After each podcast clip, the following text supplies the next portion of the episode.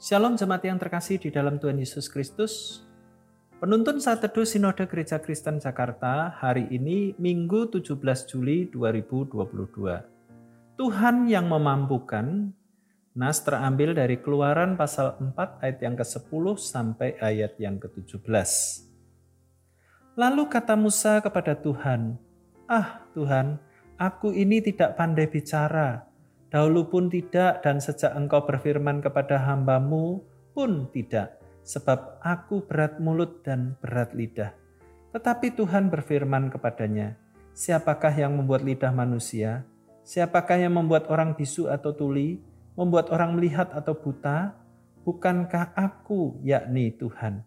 Oleh sebab itu, pergilah, aku akan menyertai lidahmu dan mengajar engkau apa yang harus kau katakan tetapi Musa berkata, Ah Tuhan, utuslah kiranya siapa saja yang patut kau utus. Maka bangkitlah murka Tuhan terhadap Musa dan ia berfirman, Bukankah di situ Harun orang Lewi itu kakakmu? Aku tahu bahwa ia pandai bicara. Lagi pula ia telah berangkat menjumpai engkau dan apabila ia melihat engkau, ia akan bersuka cita dalam hatinya. Maka engkau harus berbicara kepadanya dan menaruh perkataan itu ke dalam mulutnya, Aku akan menyertai lidahmu dan lidahnya dan mengajarkan kepada kamu apa yang harus kamu lakukan. Ia harus berbicara bagimu kepada bangsa itu dengan demikian ia akan menjadi penyambung lidahmu dan engkau akan menjadi seperti Allah baginya.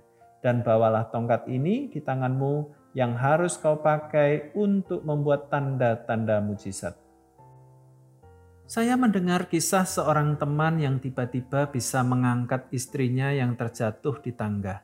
Dengan kekuatan yang entah dari mana, dia bisa mengangkat istrinya yang memiliki berat jauh melebihi dirinya sendiri. Tidak tanggung-tanggung, ia membopong istrinya sampai ke mobil dan kemudian membawanya ke rumah sakit. Kadangkala dalam keadaan kepepet, seseorang mampu melakukan hal-hal yang tidak mampu ia lakukan pada waktu dipanggil oleh Allah untuk memimpin Israel keluar dari Mesir, Musa tidak dalam keadaan kepepet. Itulah sebabnya dengan enteng ia berkali-kali menolak panggilan Allah. Ia merasa tidak memiliki kemampuan menunaikan tugasnya. Namun panggilan dan rencana Allah tidak pernah gagal. Allah memberikan kemampuan kepada Musa dalam melayani dia.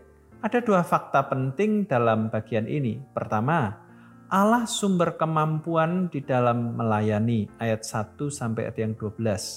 Penolakan Musa jelas dan lugas. Ini bukan basa-basi. Ia berkata bahwa ia tidak mampu. Musa memang tidak mampu. Kita melihat ada yang kontras antara Musa yang tidak mampu tetapi di pihak yang lain ada Allah yang mampu. Allah memiliki kuasa atas segalanya.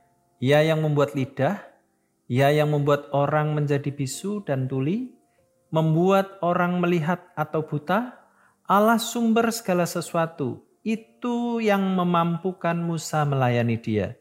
Kedua, Allah memampukan seseorang melayani dia. Allah bertindak dengan menguatkan Musa untuk melayani dia. Ia memakai Harun menjadi rekan kerjanya. Ia menyertai perkataan Musa bahkan ia memberikan kuasa kepadanya untuk membuat mujizat. Seseorang yang dipanggil untuk melayani Allah harus menyadari hal ini, bahwa mereka sebenarnya tidak ada apa-apanya, tetapi anugerah Allah memampukan mereka melayani Dia. Mereka harus yakin bahwa selalu ada cara yang Allah kerjakan untuk memampukan anak-anaknya di dalam melayani Dia dengan maksimal Apakah Anda meyakini dan mengalami hal itu? Allah pasti memampukan hamba-hambanya melayani dia. Selamat melayani, Tuhan Yesus memberkati.